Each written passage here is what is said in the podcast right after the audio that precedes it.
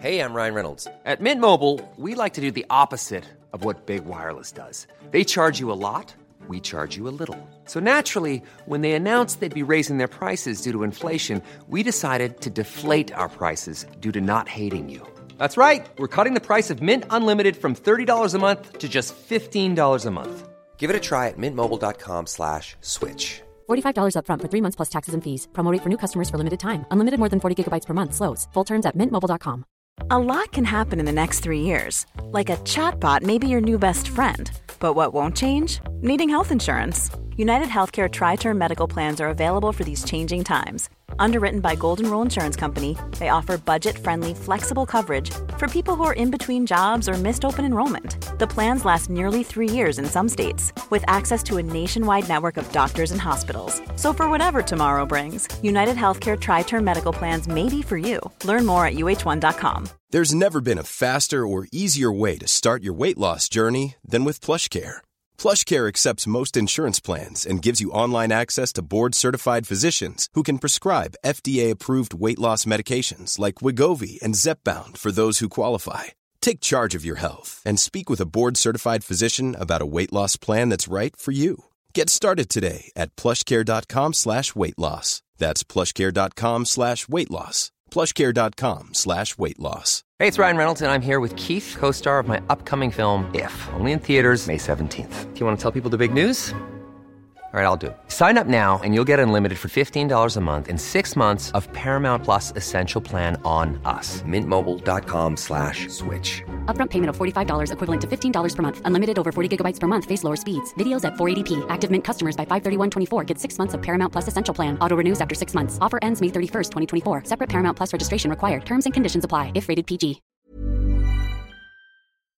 Denna veckan sponsras Market Makers av IG.com. Vill du kunna handla index dygnet runt fem dagar i veckan? Ja, det kan du nu med IGs courtagefria Turbo 24 rakt i ett ISK dessutom. Välj fritt vilken hävstång du vill använda, från 3x ända upp till 10x. Ladda ner IG-appen för att komma igång, men kom ihåg att all handel med finansiella instrument är förenat med risk. I'm amazed how many people own stocks. They, they would not be able to tell you why they own it. They couldn't say in a minute or less why they own it. Actually, you really press them down and say the reason I own this is the sucker's going up. There's enough cash in the financial system, and there's an infinite amount of cash at the Federal Reserve, an infinite amount of Put that check in a money market mutual fund. Then we'll reinvest the earnings into foreign currency accounts with compounding interest, and it's gone. So they had to do something. All they had left was to print money and start buying things. And that's what they did. Quick buck artists come and go with every bull market, but the steady players make it through the bear market. You say money can't buy happiness? Look at the fucking smile on my face. Hej och välkommen till ett nytt avsnitt av Market Makers. Hur är läget med dig Fabian? Har du fått, eh, har du fått känna på den här techbäsen som har varit i veckan? Eller? Har det varit en techbass i veckan? Inte fan vet jag. Men krypto upp i alla fall, så det är ju trevligt. Ja, det känns som det är det enda som har gått upp. Jag såg att eh, guld har fallit rejält. Eh, det har varit mycket skämt om det nu, att eh, stackars alla björnar som har köpt guld för att hedga sig mot inflation och sen så bara faller det. Följer typ, har fallit 10-15 procent eller någonting, om inte mer. Jag har inte siffrorna i huvudet. Eh, sen är det mycket annat. Jag såg idag, vi spelade in den 10 augusti, eh, rapporterade Paradox. De var väl ner, eh, ett tag var de ner 13,37 procent. Ja, det såg jag. Det galet. Och det var ju Kambi förra veckan som åkte på en riktig skitmacka, ner 30 procent på en dag. Ja, precis. Och där var det ju, paradoxfall så är det ju, det är framförallt, de har ju sitt, det här eh, Bloodline-spelen, eller Vampires Bloodline, eller vad det heter, eh, som de har hållit på och dragits med väldigt länge. Och det, det är mycket sånt utvecklingskostnader som drar där. Och ja, tyvärr så har de haft en tråkig utveckling. Det är synd, för det är ett fint bolag i övrigt. Sen Kambi, precis som du säger, där kom det ju en stor nyhet om att eh, en av deras större kunder helt enkelt ska försöka, eller de gjorde ett förvärv och då tror man att inom ett antal år så kommer de då kliva över bort från Kambi. Men de har fortfarande kontrakt med Kambi fram till 2024 om jag inte minns fel. Det är mycket saker jag inte minns här idag känns det som.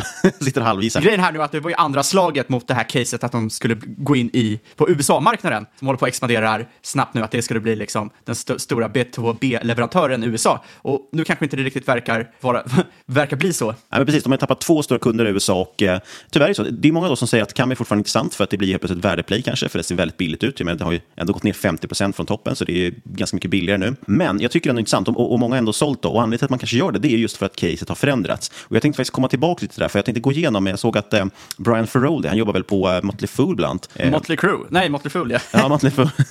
eh, och eh, riktigt duktig och inspirerande liksom, investerare som skriver mycket om framförallt långsiktighet och, så här, långsiktighet. Och, och han hade en riktigt bra tråd som jag tänkte utgå från med 13 stycken investeringsprinciper eller tricks eller vad man kallar det för. Saker man kan ta med sig och tänka på just när portföljen straffas lite extra. Och där finns det bland annat en punkt om det, just att man måste kunna sitt case och framförallt man måste kunna omvärdera sina case. Det kanske är så att Kambi fortfarande är ett superintressant bet sätt. Men för exempel din och min del, vi hade ju lite Kambi i vår bolagsportfölj, så var det ju framförallt det kändes som att okay, men vår, vår stora play med Kambi var ju att, att det här USA-spelet, så att, säga, att USA skulle öppna upp och Kambi skulle bli en stor leverantör där. Och det ser inte riktigt ut att falla ut så väl som man hoppats. Ja, och då kanske det är bäst att bara dra i bromsen, omvärdera, sen kanske man inser att man vill ha Kambi ändå i portföljen av andra anledningar. Men är originalcaset inte intakt eh, så, så ska man, tycker jag i alla fall, att man lika gärna kan dra i stoppen och köpa tillbaka. Det är ju enkelt att eh, köpa tillbaka aktien igen. Nej, exakt. Det, det, är ju aldrig, det är inte fel att ha fel, så att säga. Det är bara så, så, länge, så länge man tillåter sig själv att reagera på det, så, så är det lugnt. Ja, det som kan vara intressant att nämna förresten också, för jag har sett mycket, då, många som gör liknelser mot Evo, alltså Evolution, som också är B2B-leverantör inom samma kasinosfären, så att säga. fast de håller på med live-casino och kan med sports, sportsboken. Och det är väl att uh, den stora skillnaden där, för då säger många att ja, men då skulle lika en Evolution kunna tappa det. Problemet är väl att i Kambi, just med sportsbok, så har man ju oftast en exklusiv leverantör. Så man har ju antingen Kambi och ingenting annat, eller något annat och inte Kambi. Medan med Evolution och Live Casino så har man många, många har ju olika leverantörer. Man kan ha ett gäng leverantörer.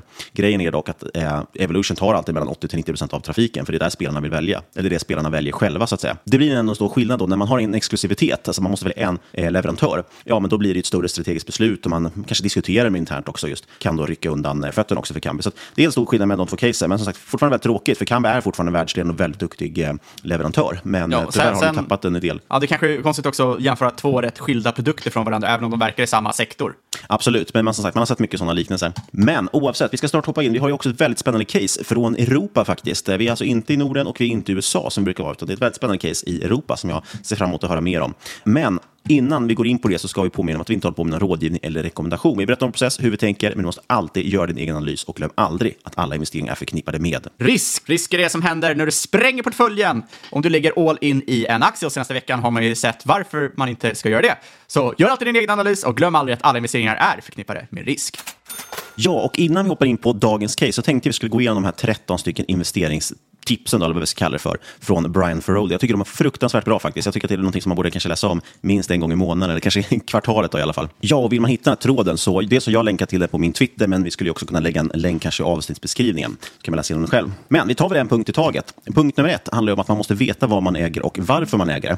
Eh, och så säger han då som exempel också att du kan ju såklart låna idéer till aktier från andra investerare, till exempel som många gör på Twitter. Man hittar extremt mycket uppslag på Twitter. Det finns mycket smarta, duktiga investerare och mycket bra aktiecase. Men man måste fortfarande göra sin egen analys som alla tjatar om. Man måste förstå både liksom bullcaset och bearcaset. Vad är det som ska spela ut i en aktie? Om vi nu låter Kambi vara ett exempel, då, så är det ju tanken där var ju för vår del i alla fall att ja, vi vill att USA skulle bli en stor marknad för Kambi. Vi trodde de hade bra position. Och man måste också då känna till liksom, det negativa. Vad är det som skulle kunna gå fel i det här caset? Till exempel att de tappar då de här stora kunderna i USA och då kanske tappar en stor del av marknaden. Anledningen till att man måste veta det här, varför man, vad man äger och har gjort sin analys, är ju för att kunna ha conviction, alltså ha övertygelse att våga fortsätta äga aktien när den går ner, när priset på aktien går ner.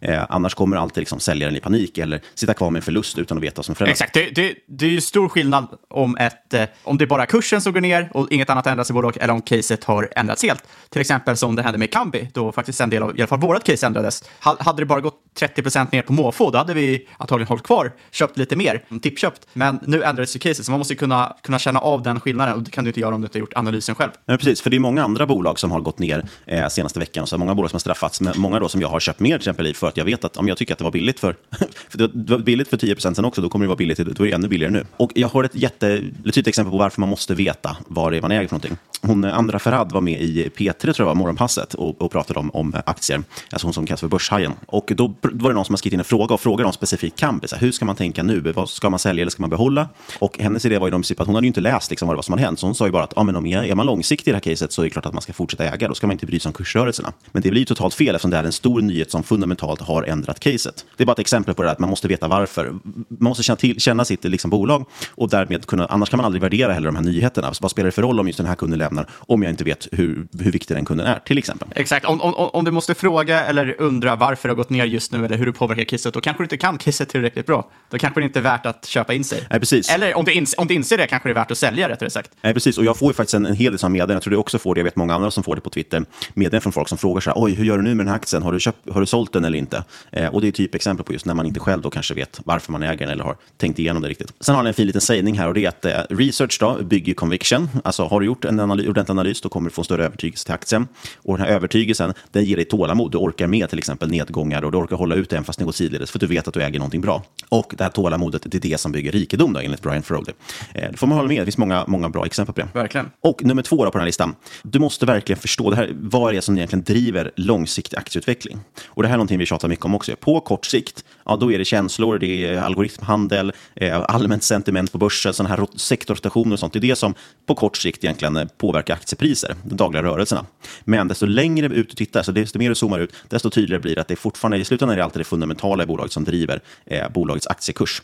Det vill säga, om ett bolag är långsiktigt är liksom hela tiden fortsätter växa och tjänar pengar, så kommer aktiepriset på lång sikt gå upp. Jag tror att professor Kalkyl som la ut en jättebra graf på det också, just att hur eh, aktiepriset rör sig hela tiden som ett, en S-kurva, eller ett S runt liksom, Liksom, det fundamentala värdet. Ibland kommer det vara övervärderat och ibland är det undervärderat. Men på lång sikt så är det det fundamentala som ska driva aktieutvecklingen. Och det brukar faktiskt stämma eh, på riktigt lång sikt. Exakt, det är, det är långsiktigheten man har med sig som fördel som privatinvesterare, som inte till exempel fonder och an, an, andra professionella investerare faktiskt har, som de måste handla från kvartal till kvartal eller ibland till och med månad till månad. Sen, punkt tre här vet jag inte riktigt om jag håller med, men får se om du, vad du tycker om den. Men det finns delar i det som är bra. Och det är att han menar att man alltid ska snitta in sig eller köpa liksom, i små bitar hela tiden. Han menar på att det är väldigt frestande, man kanske går all in när man hittar en ny spännande aktie. Alltså då menar att man köper hela sin position på en gång. Men då menar han på, tänk om du har fel om någonting, tänk om du eh, har ja, fel om värdering, fel om management eller vad det är. Så han tycker att man ska tvinga sig själv till att skala sig in. Man kan ju, man kan ju säga så här, matematiskt är det fel eftersom börsen har en positiv bias. Det vill säga att över tid så kommer det ju, eller kommer det större sannolikhet att det går upp än att det går ner. I och med att det är därför börsen finns till, att bolag ska växa över tid och då kommer börsen följa med. Eh, men psykologiskt kan det säkert vara jättebra för att om du snittar in dig kan du köpa toppen och botten och liknande och så slipper du köpa på absoluta toppen för att det sen ska dippa 20 procent och du skräms ut ur ditt köp. Mm. Och det jag håller med honom om som han lyfter upp, det är framför allt, eller det som jag tycker finns ett värde i däremot, det är att jag gör ofta så, eller jag har gjort många gånger, att man hittar något intressant case, vilket, oj det där var spännande, man ser någon som twittrar om det kanske, så tänker man att det där ska jag kolla upp. Och sen så lägger man det på en lista saker att kolla upp och sen så går det två, tre månader, ibland ett och ett halvt år och sen tittar man tillbaks. Och det var faktiskt någon sån, eh, det finska bolaget QT till exempel, det la jag på min lista för ett och ett halvt år sedan och fortfarande inte hunnit kolla på. och de såg jag nu var ju upp eh, över 350 procent senaste året. Så det är väl lite synd att man inte hade gjort den researchen. Och det man kan göra då som ett alternativ, tycker jag, som är rätt intressant, det är att man tar en liten position i början, så här, tänker att oj, det där var intressant, då köper man en liten position bara för att då helt plötsligt, då är det riktiga pengar på spel och då helt plötsligt så måste du faktiskt kanske anstränga dig och verkligen se till att ta tag i den här listan och läsa på om dem. Och medan du då läser på om det och börjar bygga då den här som conviction, det blir mycket svengelska, men man får leva med det. Eh, när man då börjar bygga conviction i det här caset och börjar förstå det och tycka att det, det är liksom intressant, då kan man addera sakta men säkert desto mer säkerhet man har i. Absolut. Och någonting jag skrev om på, på Twitter nyligen, som jag vet att en del tyckte var jättekonstigt, det var ju att jag också, och, och även du tror jag, kör ju ibland med hårda stoppar, det vill säga att går en aktie till exempel ner 20 procent, då säljer man alltid oavsett. Liksom. Men det gör man inte saker som man äger långsiktigt, utan det är just när man tar en sån här liten chansposition, tänker det där var intressant, det ska jag kolla vidare på. Om då aktien direkt, tycker jag i alla fall, det här är min personliga åsikt, om den direkt och vänder ner och backar 10-20 procent eller någonting, då kanske det är som just, just så att jag har tänkt fel om någonting. Eh, och då tycker jag att det i alla fall oftast är väldigt bra. Jag har sparat mycket pengar på att bara ta stoppen, sälja av det, titta på det. Ibland har det hänt att man har köpt tillbaka det senare för att ah, men vänta, det var faktiskt intressant och det var bara en, en konstig kortsiktig rörelse. Men väldigt ofta, mer fall än inte, så har det visat sig att det var någonting jag missförstått eller det var någonting som, som har hänt som var tokigt. Så att, eh, det var ganska klokt att, att sälja av det. Jag hade fel. Liksom. Absolut. Jag, jag gjorde väl framförallt det för några år sedan. Nu, nu har jag kanske blivit lite, lite för lat. Jag, jag påverkas inte så mycket när det går ner 10-20 procent. Men jag, jag håller med. Jag tycker personligen att det är en, to liksom, en toppendel om en strategi, speciellt om man är ny till börsen, när man kanske inte riktigt har liksom, den bästa analysförmågan. Du kanske inte alla är inte Warren Buffett right out the gates. För vissa tar det liksom 5, 10, 20 år att bli en helt okej okay investerare. Så att, att ha en så här hård stopp för när du ska sälja när ett case kanske inte går din väg, det är inget fel på det. Eh, för, för, jag, jag tror det är många som inbillar sig att det är en heder att rida med ett, ett bolag ner. Det finns ingen heder där. Den enda hedern i det här gamet är att tjäna pengar. Allt annat är skit. Nej, precis. Och, och är man en riktig liksom, värdeinvesterare, jag vet att till exempel våra kollegor i Kvalitetsaktiepodden, de sa någon gång att eh, de räknar alltid med att varenda case de går in i kommer börja 10% ner. Men det är för att de ofta so köper saker som kanske har gått ner och saker som har blivit billiga och det brukar ofta fortsätta ner lite grann. Men då är skillnaden att de har gjort en ordentlig analys innan de går in. Så de har redan ett värde de tycker att det här borde vara värt och då spelar det ingen roll vad priset rör sig till. Eh, och det är det jag menar också med att när man har ett case som man kanske haft, man kanske ägt aktier i några år, man kanske har väldigt mycket då, som sagt, conviction och en tanke om vad man tycker borde vara värt. Då spelar ju det där ingen roll om det är 10-20 då är det ett köpläge som du säger. Men just när det är någonting helt nytt och man inte riktigt kanske har koll på alla detaljer, då är det nästan alltid bäst att bara ta stoppen direkt. Exakt, det är bra att vara ärlig mot sig själv. Har, har du, nu tror inte jag 100% för att du måste liksom ha, ha liksom 0,1% edge i liksom kunskapsområdet för att du ska tjäna pengar på att investera i en, i en aktie. Liksom. Men jag, jag tror att många kan erkänna att de oftast gör lite för lite research innan de trycker på köpknappen. Man blir jäkligt sugen. Och då kan det vara bra att ha en väldigt enkel strategi för att lösa ut det om det blir problem. Precis, och det är det som är poängen och det avslutar lite med också att om man har rätt, om det är så att man har rätt, man är lite tidig in, kanske man köper något för att det är lite spännande, men man bara skalar in sig lite grann, då är det som så att om du har rätt och den här aktien faktiskt sticker iväg, vilket händer ibland med sådana case, då är, behöver du ju bara stoppa in lite grann också. Det behövs ju inte så mycket om det faktiskt var så att du hade helt rätt och du liksom springer på en tennbagger, då blir det rätt mycket pengar då. Eh, men om du har fel, och det är det som är det viktiga, då kommer det inte skada så mycket om du bara stoppat in lite pengar i. Så jag, jag tycker det, är faktiskt att det, det finns mycket intressant i det där, eller viktigt i det där, även om jag inte jobbar exakt likadant själv. Sen leder det här in också på, på, nummer fyra. Och det är att varenda aktie, dock, eh, varenda bra aktie genom, genom åren har alltid i perioder gått väldigt, väldigt uselt. Eh, så att ha, som sagt, ska man vara, våga vara långsiktigt case och ha, om man har conviction i det, då kommer man också få leva med extrem volatilitetsperioder. Eh, det är liksom normalt, det är det priset man får betala för att på börsen. Därav att det är ganska viktigt att då zooma ut ibland och titta hur grafen ser ut på lång sikt. Till exempel lyfter han upp Amazon, som har under, eh, i Amazons historia som börsnoterat företag så är det 30 gånger man har upplevt ett fall på mer än 10 procent. 14 gånger har den gått ner mer än 20 procent, 8 gånger mer än 30 procent, 5 gånger mer än 40, 4 gånger mer än 50 procent. Alltså den har halverats fyra gånger sedan man börsnoterades och den har vid ett tillfälle till och med gått ner 90 procent. Trots det så har ju Amazon avkastat över 164 000 procent sedan man noterades. Så att slår man ut det och tittar på det liksom i efterhand, och zoomar på grafen, då ser det ut som att det är en toppenaktie. Men man har alltså genomlidit otroligt turbulenta perioder om man har varit aktieägare i Amazon sedan börsnoteringen. Exakt, och här gäller det ju att, och det är egentligen det här, Amazon är ett toppenexempel på att vara en bra analytiker och förstå att ofta är det de mjuka värdena som berättar historien, att förstå liksom vart Amazon kommer vara nästa år, om två, tre år, kommer ju slå nyckeltalen du kan läsa ut som, ja, som tillväxtinvesterare som du skulle ha varit om du köpte Amazon. Nej, men, men poängen sagt är att det handlar om, på lång sikt så är det fundamentala som driver, som vi var inne på förut. På kort sikt också kommer det vara extrem volatilitet. Det är ett pris man får betala helt enkelt. Nummer fem då, den handlar egentligen om hur man ska försöka undvika dock att påverkas för mycket av de här extrema, ja, men av de extrema rörelserna man får sin volatilitet. Och det är egentligen att med hand att öka friktionen i din handel. Jag tror att vi har pratat om tidigare. Han menar på att desto svårare det är att handla aktier, desto svårare det är att köpa och sälja, desto bättre. Eh, han har då använt till exempel Interactive Broker som han menar att det är liksom fruktansvärt jobbigt att logga in i och det är fruktansvärt jobbigt att lägga en trade. Därmed, göra betyder, därmed betyder att han inte kommer handla och liksom köpa och sälja så mycket varje dag. Eh, det är väl det som man kan lyfta som sagt som kanske nackdel med Avanza och Nordnet och alla de här smidiga apparna som finns idag. Att det går så himla lätt och fort. Eh, och ska man vara långsiktig så kan det finnas en poäng att inte vara det. Jag personligen har till exempel gjort, jag, jag använder ju Avanza ganska mycket. Framförallt har jag en bevakningslista i Avanza som jag tittar på. Eh, och den kan du se även utloggat läge i appen. Så jag brukar oftast inte logga in i appen, utan jag bara öppnar upp appen och då laddar den min bevakningslista oavsett om jag inloggar inte. Då slipper man ju se hur, hur saker rör sig. Och man, det är fortfarande en liten process att behöva logga in och sådär. Man ska göra någon, någon faktisk affär också. Sen, sen, tycker jag mycket av det där kommer med erfarenhet också. Nu ser inte jag att jag är någon superbriljant investerare på något sätt. Jo, jo säg men... det, för annars kommer folk sluta lyssna. ja, okej då. men det, det, jag märker, desto, framförallt desto äldre du blir och desto lägre du investerar, desto mi mindre tenderar du att logga in. För du bryr dig mycket mindre om de dagliga prisrörelserna, du bryr dig mycket, mycket mer om hur caset utvecklas. Verkligen. Och det är det som jag tror faktiskt, det är många som tjatar om det, att man, man kan läsa hur mycket böcker som helst, men på sikt så är det alltid det som, som ger framgång, att, att sig leva med psykologiska. Och det kan man tyvärr bara göra genom att uppleva det. Man måste uppleva några totala magplask, man måste uppleva några lyckorus eh, och framförallt hålla, hålla på några år. Och som sakta men säkert så, liksom, så lugnar magen ner sig så att säga, så att man klarar av, och, även när det svänger lite tråkigt. Exakt. Eh, om man däremot ska nyttja de här tillfällena när någonting då tycker man själv då har blivit väldigt undervärderat och gått ner, då kommer vi till punkt nummer sex på listan och det är att man, han tycker att man ska ha lite cash på sidlinjen hela tiden. Det är ju vi lite emot faktiskt. Vi tycker tycker att man kanske för det mesta ska vara fullinvesterad. Men om man har lite svårt med psykologiska och tycker att det är jobbigt, ja, men då är det ganska smidigt att ha det. För som han säger, då, att, att ha liksom cash i sidan av i en bullmarknad, alltså när börsen bara hela tiden går upp, då känns det jättejobbigt, för då är det liksom en alternativkostnad. Men det är det som kommer ge fantastisk avkastning i björnmarknaden, när du faktiskt har lite pengar att investera också. Men ett alternativ till det tycker jag, det är väl bara att man månadssparar till att man alltid ser till att fortsätta sätta av en bit av sin lön varje månad, om man har en sådan, eh, och fortsätta köpa. Ja, jag, jag håller inte alls med om det. Jag, så, som, som vi sa förut, eller som jag sa förut, det är ju rent rent matematiskt är det, är det kanske inte re, helt korrekt att tänka så. Jag menar, om bullmarknader tenderar att hålla på längre än vad björnmarknader håller på, eh, du tenderar också rent psykologiskt att sällan köpa på botten. Är det tillräckligt? Antingen, som vi såg i Kronokrass, antingen köper du för snabbt så att du egentligen inte får någon stor rabatt, eller så köper du för sent så du inte får någon stor rabatt heller. För att du blir för rädd, du blir för girig, du vill ha det billigare. Det är lika bra att bara skita i det här, bara köp om det är ett bra pris och låt det ticka på. Och försök bara bli mer erfaren, bli mer långsiktig, förutsatt att du är en långsiktig investerare och inte en trader så att säga. För du kommer avkasta mycket mer på det på lång sikt tror jag i alla fall. Nej, precis. Och det enda anledningen till att jag slänger med det tipset det är väl för att det kan vara ett bra sätt kanske att hantera det psykologiska. Om man som sagt inte är van och tycker att det är jobbigt med nedgångar, då kan det kännas skönt att ha lite pengar vid sidlinjen som man köper för. Men om man inte har pengar vid sidlinjen så är det många då som blir frestade kanske att använda belåning. Och det är punkt nummer sju, använd aldrig belåning egentligen. Eh, och det tycker jag just att, ja, det är inte så konstigt. Det psykologiska är redan jobbigt när det svänger upp och ner i pris, eh, när man ska vara långsiktig. Men det blir ännu värre om du gör det med belåning också, för då kommer det svänga ännu mer.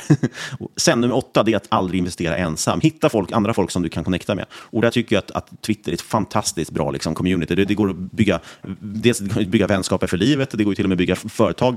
Eh, det är bara att kolla nu på professor Kalkyl som har lyckats med, varit med både Dagens Industri och Breakit här under två dagar och varit med om ett uppköp. Så att, eh, det går ju att skapa liksom en helt ny karriär till och med via Twitter. Otroligt häftigt. Och jag vet jättemånga, nästan alla av dem skulle jag säga, framgångsrika, duktiga investerare jag har träffat via Twitter, har lyckats på grund av att de har haft några, någon eller några andra partners som de diskuterar mycket liksom, case med. Jag, jag håller med. Gett, du har varit engagerad på Twitter rätt länge. Jag var inte så engagerad förrän förra året, 2020, eh, då man ännu inte hade något bättre för sig. Eh, Men jag, jag inser ju nu, det är bra mycket eh, smidigare att sitta där och crowdsourca case. Är att du ska sitta och söka den på Seeking Alpha eller på Google eller på olika hemsidor och eh, försöka hitta case eller gå in på de här in, liksom, bankernas eh, olika portaler. Det, det kunde ju vara skitsvårt att hitta nya case som man tyckte var intressant. Det, kunde- helt plötsligt kan det bara poppa upp någon random dude i din feed som har ett jätteintressant case och så helt plötsligt har du en ny eh, aktieportfölj som har gjort din analys. Så att, eh, det är jäkligt underskattat. Ja, och det finns många, många poäng här att lägga till. Dels vet jag att jag har många som tycker så det är så svårt liksom, att hitta någon, någon kompis inom aktier för att man inte har någon, man har inte någon riktig kompis att säga som är intresserad av aktier eller några kollegor kollega någonting. Man känns väldigt ensam om det. Då är det perfekt med Twitter. På Twitter kan man vara anonym också. Det är många som är anonyma för att de inte vill att andra liksom, i deras vänskapskrets ska veta om att de, vad de håller på med på, på fritiden. Eh, Ja, det- exakt. Vi är också anonyma. Eh, ni kanske tror att vi heter Fabian och Niklas, men egentligen heter vi Ola och Klas. Exakt, egentligen heter vi Lone Wolf och Poker Trader. Nej, men, eh, så, så det är liksom en grej. Det är en jättebra arena för den som inte har någon annan att snacka aktier med för det första. Sen dessutom som du säger så kan man ju skapa ett oändligt eh, liksom, värdefullt flöde med bra grejer. Och det lyfter han också för övrigt. Om du upplever att det är så att ditt sociala medieflöde, alltså på Twitter till exempel, liksom har väldigt mycket stress och panik när, när börsen går ner och sådär, ja men då kanske du ska också rensa ut vilka du följer och byta dem mot lite folk som är lite mer långsiktiga. Men en ytterligare sak som du kan använda Twitter till, som jag verkligen tycker man ska ta med sig, det är att faktiskt försöka hitta folk också att snacka med. Jag tror att väldigt mycket av de mest värdefulla diskussionerna och, och relationer som skapas är det som sker i DMs, det vill säga direkt mellan olika personer. Och ah, hur man hittar dit, ja då måste man faktiskt våga börja skriva lite grann. För jag ser många på Twitter som bara sitter och läser liksom. Men jag tror att det är fel tänkt. Det är bättre att bara börja skriva saker. Även om det är, liksom, det är okej att det är dåligt, då kommer man få feedback på det. Det är nästan det bästa som kan, man kan göra, att försöka börja samman, försöka liksom samla ändå sina tankar i text. Det ger väldigt mycket från sin egen struktur och du får väldigt mycket feedback på det. Och det visar också att du är intresserad av vilka bolag du är intresserad av och så vidare, vilket gör att du kanske kommer sakta men säkert börja komma in i vissa liksom, nätverk och bjudas in i, i chattgrupp och sådana saker. Och det kan skapas väldigt mycket värde. Så att, eh, investera aldrig ensam, det tror jag verkligen är jätteklokt. Och anpassa ditt flöde efter eh, vad som passar dig så att du liksom får stöd och pepp kanske under jobbperioden. Vi hoppar vidare. Nummer nio handlar om att ens personliga finanser, det vill säga din privatekonomi egentligen. Att du måste se till att, att eh, egentligen det jag menar, att försöka vara lite sparsam och, och realistisk. Liksom. Överspendera inte bara för att det går bra på börsen och så vidare. De perioder när marknaden brukar vara svag och volatil framförallt, det är ju under perioder när ekonomin är dålig, vilket betyder att alltså är ditt jobb också kanske eh, at risk så att säga. Så att, eh, och det vore ganska tråkigt om man, ens, både ens börsportfölj går ner och du blir av med jobbet. Eh, så att enligt honom då, försök liksom skuldsanera, så att säga, ha så lite skulder som möjligt. Försök att bygga cash, så att du alltid har sparade pengar. Se till att ha bra intäktsströmmar. Både det här och hävstång är ju väldigt förenklat. Det är helt enkelt från individ till individ. Jag menar, för majoriteten av människor är såklart hävstång inte en bra grej. De flesta sitter ju bara och köper det som ser på HSS på Facebook. Och det är väl samma sak med lån också. De flesta sitter med någon jäkla blanko eller kreditlån eller vad som helst. Ehm, Jag menar, det är ju inget fel att ha ett CSN-lån och sitta och handla på börsen med det. Eller ett bolån. Det är nästan omöjligt att köpa en bostad i Sverige utan ett bolån idag. Exakt, så man, man får väl tänka, tänka lite fritt där. Det jag menar är väl att du ska ha en sanerad ekonomi, du ska ha, vara, lite, vara lite klok helt enkelt. Ja, precis, ja. Och det finns massa olika sätt att jobba på. Eh, det kanske inte är så att du måste ha, liksom, eliminera ditt bolån. Du kanske kan ha ett bolån, men se till kanske att då betala in till en a-kassa och ha en, en inkomstförsäkring och sjukförsäkring och så vidare. Så att om du skulle bli av med jobbet eller skador och som helst så kan du fortfarande betala dina räntor och så vidare.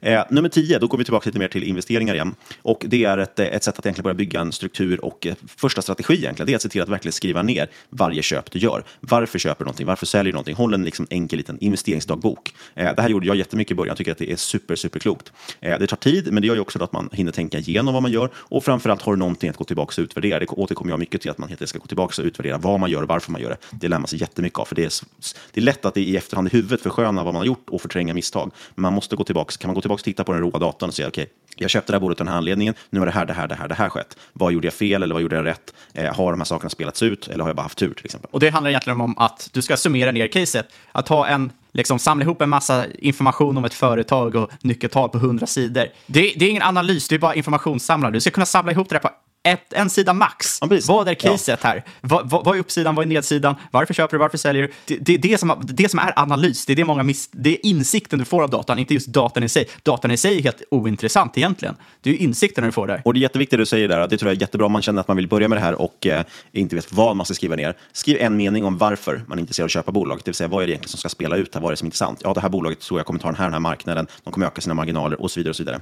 Men du måste också skriva ner som du säger, varför man skulle sälja det. Vad är det som kan vara? Vad är nedsidan downside-sidan, vad kan gå snett? Jo, det skulle kunna gå snett om jag vet inte, vdn dör i en bilolycka eller det visar sig att det är en fraud. Eller det där. Nej, men skriv ner liksom vad som skulle kunna vara fel och försök vara ärlig där också. Sker de sakerna, då betyder det att du måste omvärdera och sälja kanske. Exakt, så för att återgå till Kambi, nu, nu var väl caset lite större än vad, vad vi försöker sä, säga nu i podden, men vi förenklar rätt mycket. Ja, men vi använder det som ett, ja, för, ett, för att ha ett exempel. Så, som, som ett, och då, och, och, då, då sa vi till varandra, ja, caset här är att de kan öka omsättningen x mycket så här, marginal så mycket, om de går in i USA, får de här typen av kunder, mm. eftersom det expanderar så snabbt där. Och eh, då var i stort sett nedsidan av caset att det här inte går igenom. Och då förändras ju caset helt. Det behöver inte vara mycket svårare än så. Eh, och oftast de flesta case kommer ner till en eller två huvudpunkter. Och jag inser att vi ska hinna med ett case också, så ska jag dra igenom de här sista tre punkterna ganska snabbt för dem. Vi har nästan berört dem också.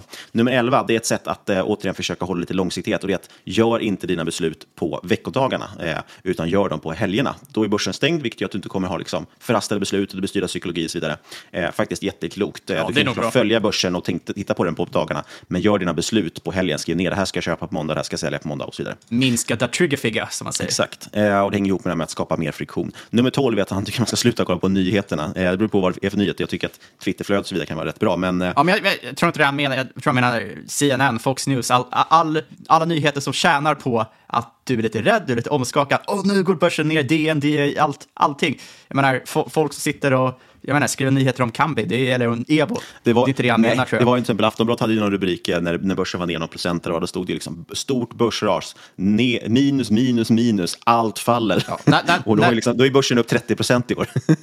när, när, man inser liksom att man har inte så mycket att tjäna och läsa de här tidningarna ändå. Det, det finns inte så mycket innehåll som du kommer komma ihåg om 5-10 år som kommer ge någon effekt i ditt investerande eller resten av ditt liv. Då kan du lika gärna bara skita i det. Om inte Dagens Industri ringer oss och vill sponsra imorgon, då kan vi omvärdera. Exakt, då är det skitbra. Oh, I så fall älskar Dagens Industri. Ja. Men det kommer nog inte hända. Sista grejen, det är återigen, det här har ni redan tagit upp egentligen, men det är att se till att zooma ut. Eh, och det som man kan ta med sig där, som sagt, på kort sikt så är det sentiment och lite sådana saker som styr egentligen värde, liksom aktiepriset. Men på lång sikt är det fundamentala som driver värderingen. Och där ska du även tänka på din depå. Så utvärdera inte din depå på, alltså, vi håller på med så konstiga gränser, räkna för ett årsskifte, det är helt ointressant när årsskiftet Det är värdelöst. Alltså, det är Titta på ett antal år. Jag till exempel sammanställer varje år, tyvärr blir det årsskifte, men det är för att det är en enkel gräns. Liksom. Från 1 januari till sista december, så här gick det här året och så utvärderar man det varje år och då kan man räkna ut ett kagger, alltså vad blir snittavkastningen per år? Och det är den som är intressant, för det är okej att vissa år kan det vara sämre än index, vissa år kanske det är bättre än index. Din strategi kanske inte är att försöka slå index. Det viktiga är att försöka se hur presterar du över lång tid, liksom. gärna över årtionden. Exakt. Det är då verkligen se om du har lyckats eller inte. Det zooma ut är ju sjukt viktigt och framförallt inte haka upp sig vid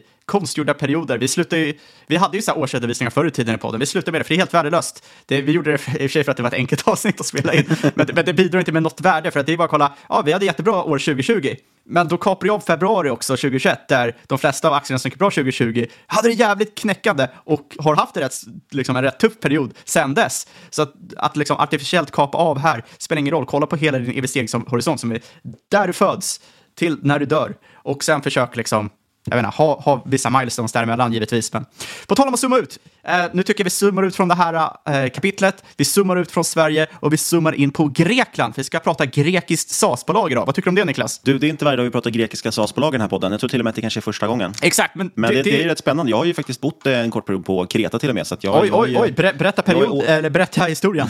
Nej, det ska jag inte berätta någon historia om. Men jag är ju all in på gyros i alla fall. Jag, jag är helt för här. Ja, men det, det är ju så. Jag tror du också är lite trött på de här hutlösa värderingarna på growth. Det kan ju vara okej okay om man kör en bredare eh, portfölj. Det är okej okay om man kör en bredare portfölj för att diversifiera bort execution risk, att bolaget ska utföra det som inprisat i aktien. Men vill man ha en smalare portfölj som är väldigt populärt nu, som jag, jag själv kör nu, jag hade lite bredare portfölj 2020, ja, då kan man inte ha... Du koncentrerade dig precis lagom där innan de eh, bolagen började gå ner, som du hade. Ja, det var... Nej, det var väldigt elak. Nej, men det var, det var väl ungefär i, sa, sa, liksom, i nedgången, så ser man ju rätt tydligt, ja, vad har jag högst conviction i? Och det är ett jäkligt bra test för att bara, ah, men fan, det är bara, då är det bara kör köra in pengar i det du har conviction i. Det är, som sagt, det, ingen, det finns ingen heder här. Den andra hedern är att tjäna pengar i slutändan. Eh, men eftersom det är så dyrt överallt så har ju både du och jag börjat kika lite mer globalt. I avsnitt 185, ja, då snackar vi om Kaspi, eh, listan på Londonlistan, verkstamma i, i Kazakstan. Och idag ska vi kika på ett bolag som är listat på Atens lista, ett grekiskt bolag vid namn Epsilon Net. Och jag kan ju snabbt nämna att jag såg första bolaget poppa upp för eh, någon månad sedan eh, av en kille vid namn Piccolini på Twitter. Um, och sen dess har jag sett flertalet människor snacka om det här och det pikar mitt intresse som satan. Framförallt för att uh, det är ett uh, riktigt garb-case, alltså growth at a reasonable price, vilket är inte är så vanligt nu för tiden i, den här, uh, i det här börsklimatet. Och För att sammanfatta eller introducera det här caset kan man säga att Epsilon Net är lite av ett grekiskt Fortnox. Alltså det här svenska bolaget som håller på med bokföringssystem. Grundades 1999, 2015 så började man fokusera på det här skiftet mot molnet, likt ja, alla bolag har gjort, Microsoft och så vidare. Och idag har man tre huvudben. Man har mjukvarubenet, ett nätverk eller networkingben och en training, ett trainingben. Mjukvarubenet, som ni säkert kan förstå, det är det största benet erbjuder 19 olika produkter, bland annat då bokföring, men också CRM, då HR, ERP, olika typer av faktureringstjänster. Och målet här är att man ska bli en typ av one-stop shop för kunderna. De ska ha alla de här typerna av admin och HR-lösningar på ett ställe i ett system som hjälper till att i stort sett göra att deras bolag kör på smoother, att det inte kommer att uppstå några problem här. Och ja, man skulle exakt kunna säga att det är Fortnox plus lite till. Och Eh, allmänt så investerar EpsilonNet mycket i R&D. De vill få ut ännu fler produkter och ta fram ännu nya tjänster. Och samtidigt som man vill förbättra de befintliga produkterna. Och det här är intressant för att det ökar givetvis intäktsförmågan över tid och framförallt så ökar den potentiella kundkretsen. Så det är väldigt viktigt att bolaget fortsätter innovera framöver, som det är för många av de här eh, bolagen. För egentligen är det så att jag har ett CRM-system eller ett bokföringssystem, är inte så mycket mot där. Det du vill göra är att du vill integrera så djupt in hos kunden som möjligt, så att de börjar ha fler av dina produkter, att det blir extremt dyrt för kunden att byta ut det, att de nästan inte kan byta ut det. Så att, att de kan sitta här och innovera, hitta på nya produkter, nya tjänster, otroligt viktigt, otroligt intressant. Sen kan man ju ställa sig frågan, bokföring, greker skattar väl inte? Eh, ja, och det är faktiskt lite av en risk med det här bolaget. Historiskt har ju Grekland haft problem med skattesmitning, både från eh, medborgare men också från bolag. Och minst sagt har inte det hjälpt återhämtningen av ekonomin efter finanskrisen. Här kan jag väl dra en liten anekdot kanske från Kreta. Ja. Nu är inte det talande för alla greker, eller kretaner för den delen som de vill kalla sig. Nej, men jag har varit lite förvånad. Jag minns att eh, våran, han som bodde hos, våran, eh, vad säger man, våran värd, eh, han, eh, han hade en stor plastpåse med kvitton en dag som han skulle dra iväg och frågade vad är det där för någonting? Eh, och då skulle han in och göra sin deklaration. Eh, och då tog man med sig en påse med kvitton till Skatteverket och så visade man alla kvitton man skulle göra avdrag för och då fick man de avdragen. Eh, och så berättade han att den kassen hade han fått av sin kusin som hade varit inne med den dagen innan och gjort deklarationen. Så de skickade runt den där påsen i hela släkten och så åkte alla in och gjorde samma avdrag. Eh, så det, det, det är en historia om en person i, i, ett ganska stort land. Men eh, som sagt, det finns ju ett ganska systematiskt eh, eh fusk ändå i många länder, precis som att det finns olika typer av systematiska fusk i Sverige också. Ja, en bra, bra bok om det här är eh, jag vet inte om den är så bra, för jag läste den för tio år sedan, men Boomerang av Michael Lewis. Och då går den igenom i stort sett vad hände med Grekland under finanskrisen? Han går igenom andra länder också, till exempel Island och lite andra Eh, mindre länder man inte oftast hört talas om effekterna av finanskrisen. Men i stort sett går igenom vad som hände med Grekland i finanskrisen, varför det, liksom, varför det hände, hur de här problemen uppstod och, och så vidare. Och mycket handlar just om de har lite problem att dra in skatt i, i det landet. Och därav har de ju haft den här ekonomiska krisen senaste årtiondet. Men med det sagt så är det som så att det här är ju ett företag som framförallt sysslar med det är B2B liksom, och det är en stor skillnad på hur bolag hanterar skatt. Eh, och framförallt, desto mer digitaliserat det blir, desto mindre eh, kan man ju också fuska, desto svårare är det att komma undan helt enkelt. Alla behöver ju fortfarande någon sorts bokföring om man ska bli ett framgångsrikt företag. Nästa benet är nätverksbenet och det här är alltså databas med information och verktyg för olika typer av skatt och arbetsmässiga frågor. Och helt enkelt har man en portal där företag kan hitta lösningar på sina specifika företagsproblem. Och eh, ja, det finns lite olika verktyg här, men huvudsakligen handlar det här om informationsverktyg som man får tillgång till via en prenumerationstjänst, där du som sagt får svar om du har till exempel en specifik skattefråga som rör ditt företag. Och det matar ju såklart in i mjukvarudelen. Det blir som en jäkligt fin nätverkseffekt där. Och det är kanske därför det heter nätverksbenet. det känns som att det bolaget framförallt vill göra också är väl att driva den här eh, resan som ska göra, att, att, bli lite mer compliant kanske som företag yes, och yes, se till att göra rätt, ha en kunskapsbank. Man har ju också, om du var inne på det, trainingbenet också, där man egentligen utbildar och certifierar för revision och man har seminarier och workshops och sådana grejer. Så att, eh, det är ett bolag som försöker ta ett helhetsgrepp egentligen, att både utbilda, göra bättre och samtidigt leverera rätt typ av verktyg. Så, jätteintressant. Man har ganska, man ganska mycket kunder också redan. Ja, 75 000 kunder läste jag mig till att de hade och eh, där härstammar ju då majoriteten såklart från Grekland. Men de har också gjort ett uppköp av en ERP-leverantör nyligen som heter Singular Logic, som har även lite kunder i andra europeiska länder också. Och det här eh, liksom öppnar ju även upp för framtida expansion till andra länder, till exempel eh, eh Cypern och andra närliggande länder. Men som sagt, det stora knäcket här egentligen som är intressant, eller knäckfrågan, det är det vi pratar om att det är ett ganska, ja, det är ganska låg digitaliseringsgrad generellt i Grekland. Eh, så det är frågan där hur stor marknaden är. Samtidigt kan det också betyda att det kanske är då lägre konkurrens. De kanske liksom är först, det kanske blir lite Fortnox-resa av det. Eh, och det kan också betyda att de är med och driver den här resan. Så det är en ganska intressant eh, position de har, men det kan också betyda en, en stor risk att det är låg digitaliseringsgrad. Ja, det, det som är intressant nu är att Grekland har dragit igång flera initiativ eh, för att dra igång digitaliseringen i landet. Så att EpsilonNet, de jobbar ju verkligen i medvind nu, vilket är rätt skönt. För att Grekland, de är det näst, hur säger man, näst minst digitaliserade landet i hela EU. Och det, är liksom, ja, det, det gör ju liksom penetrationen av menar, molntjänster, det är ju väldigt lågt. Men som du säger, om man då har hela landet med sig att man försöker få in digitalisering, då kan ju möjligheterna vara väldigt stora här. Ja, och framförallt som jag tror att det ligger mycket i det som jag sa att eh, eh man, som du säger, man försöker göra en push att digitalisera mer eh, från statens håll. Och det är ju också mycket för att det ska bli lättare att driva in skatt, för att folk ska göra rätt för sig och så vidare. Eh, och då kommer det här garanterat bli en portal där man får mycket information också. Det är också ett sätt att få in kunderna och, och konvertera dem. Eh, jag, tycker, jag tycker det är ganska intressant. Och man är stor, man är marknadsledare eh, inom redovisning och HR-system och har ungefär 80 procent av marknaden. Så att jag menar, man är den stora dominerande spelaren. Ja, och eh, när det kommer till ERP-system har man cirka 35 procent marknadsandel efter uppköpet av det här Singular Logic. Men det som är intressant här är ju att 40 procent av marknaden inte alls har någon mjukvaruleverantör här och 25 procent av de som har mjukvaruleverantör har av rätt eh, sketchy spelare eller spelare som kanske inte har någon riktig framtid, inte så välutvecklade, som kanske skulle ha det bättre hos Epsilon med Epsilons utbud av produkter och tjänster. Det betyder alltså att marknaden fortsatt är väldigt stor. Även om de är marknadsledare med rätt stor marginal inom redovisning och HR betyder det inte att, hela, att de inte har hela marknaden. Det är bara de som har mjukvaran just nu. Och det är inte alla. Det, ja, det finns rätt mycket digital, digitalisering kvar att hämta som vi ska gå in på eh, senare. Men det här, just att de är marknadsledare just nu innebär att de har rätt stora kanaler för så kallad upselling. Man säljer vidare nya produkter, nya tjänster. Eh, eftersom man har den här stora mängden produkter och det ger en väldigt stor möjlighet. Det är A och O, likt det som vi nämnde med Carasent förra veckan. Man vill bli en one-stop shop, man vill liksom stå för alla kunders kritiska funktioner, en allt större del av kunders kritiska funktioner och produkter. Man vill att de ska gå genom Epsilon-nät och därmed så integreras Epsilon djupare in hos kunden och eh, blir nästan till omöjligt att byta ut. Självklart så har ju Epsilon flertalet konkurrenter, det vore konstigt om de inte hade det. Det vore nästan ett, eh, eh, ett dåligt tecken om de inte hade det. De har ju allt från jättar, som Microsoft och SAP, eh, till mindre spelare som till exempel Entersoft inom ERP, de har Unionsoft inom bokföring. Och eh, det som man kan påpeka om de här eh, mindre grekiska spelarna är att de är oftast rätt specialiserade mot ett område, på gott och ont. Det betyder att de kan vara ha en bättre produktspecifik inriktning, men de kanske inte alls kan konkurrera på det här one-stop shop-tänket som Epsilon vill införa.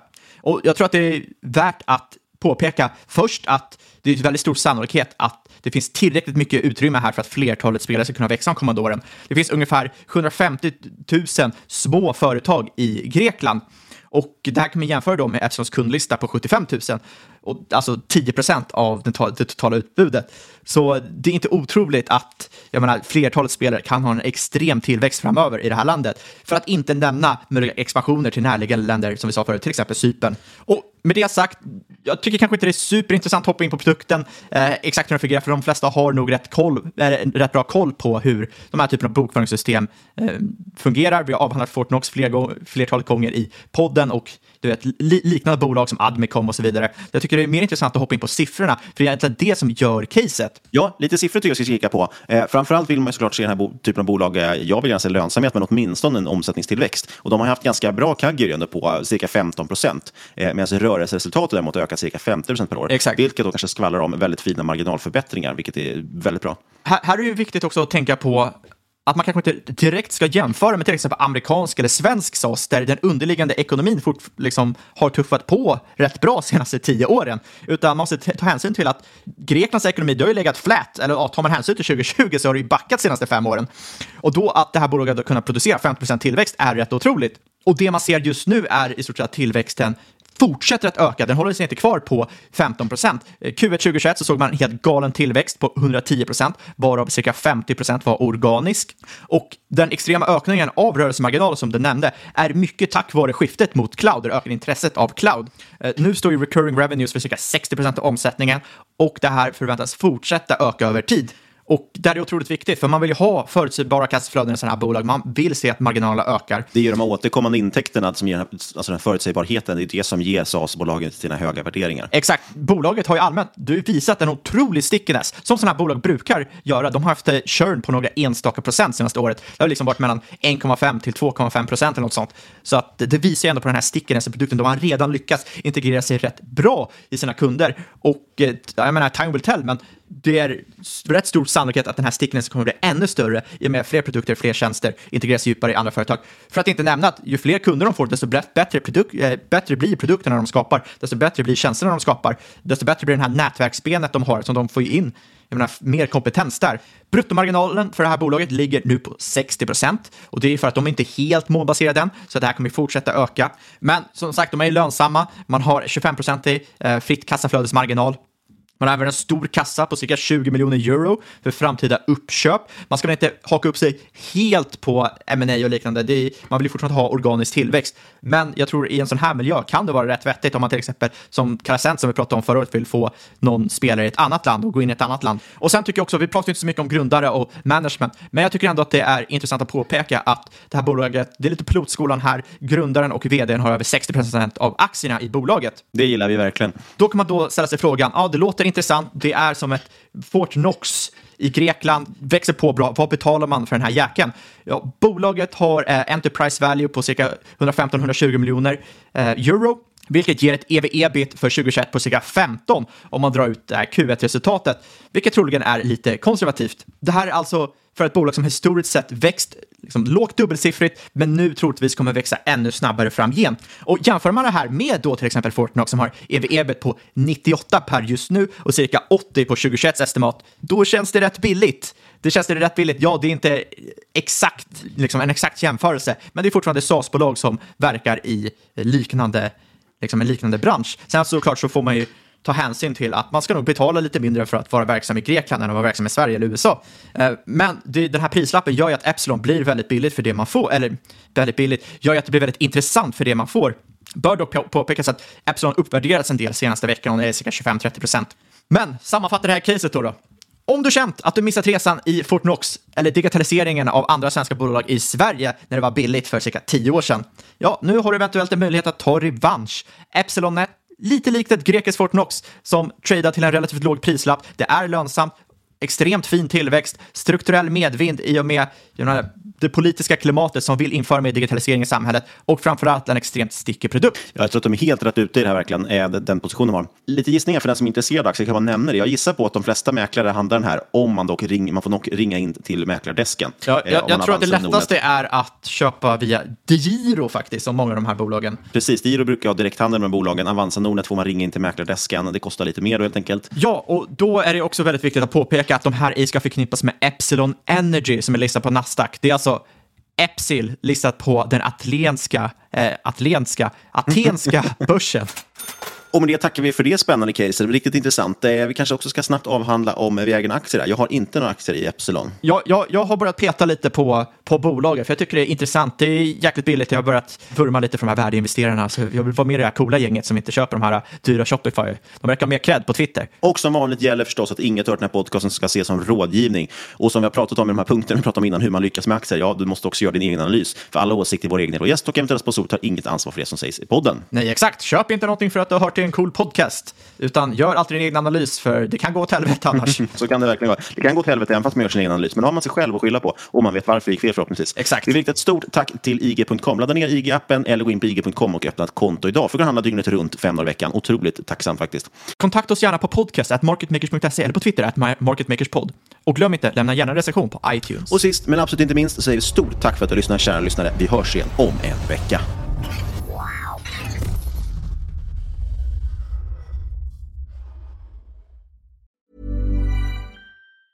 Planning for your next trip? Elevate your travel style with Quince. Quince has all the jet setting essentials you'll want for your next getaway, like European linen, premium luggage options, buttery soft Italian leather bags, and so much more. And it's all priced at 50 to 80% less than similar brands. Plus, Quince only works with factories that use safe and ethical manufacturing practices. Pack your bags with high-quality essentials you'll be wearing for vacations to come with Quince. Go to quince.com slash trip for free shipping and 365-day returns. Mom deserves the best, and there's no better place to shop for Mother's Day than Whole Foods Market. They're your destination for unbeatable savings, from premium gifts to show-stopping flowers and irresistible desserts. Start by saving 33% with Prime on all body care and candles. Then get a 15-stem bunch of tulips for just $9.99 each with Prime. Round out Mom's menu with festive rosé, irresistible berry chantilly cake, and more special treats. Come celebrate Mother's Day at Whole Foods Market.